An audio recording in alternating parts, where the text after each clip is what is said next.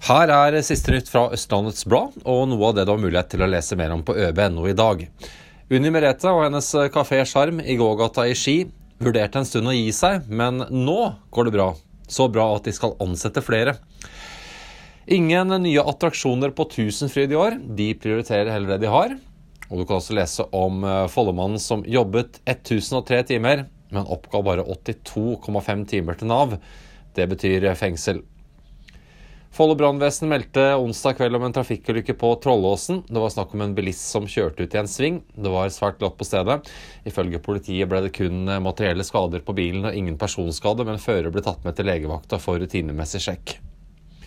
Nå legges lederkabalen for Nordre Follo kommune. Se hvilke 77 som har fått nye roller. Og 33 selskaper i Follo er i konkursfare, skylder 2 millioner i gebyrer. Sjekk hvilke selskaper hos oss. I dag treffer du Håkon på ØB.no. Innimellom figurer av Charlie Chaplin, bodybuildere og en indianer står Håkon Martinsen og selger dyrefôr. Det har han gjort i snart 40 år. Og Venstres Solveig Schytz sier at hun føler seg lurt av NSB. Dette er noe av dagens meny så langt på ØB.no. Hvis du vil lese mer, husk at det koster bare fem kroner for fem uker å tegne et abonnement.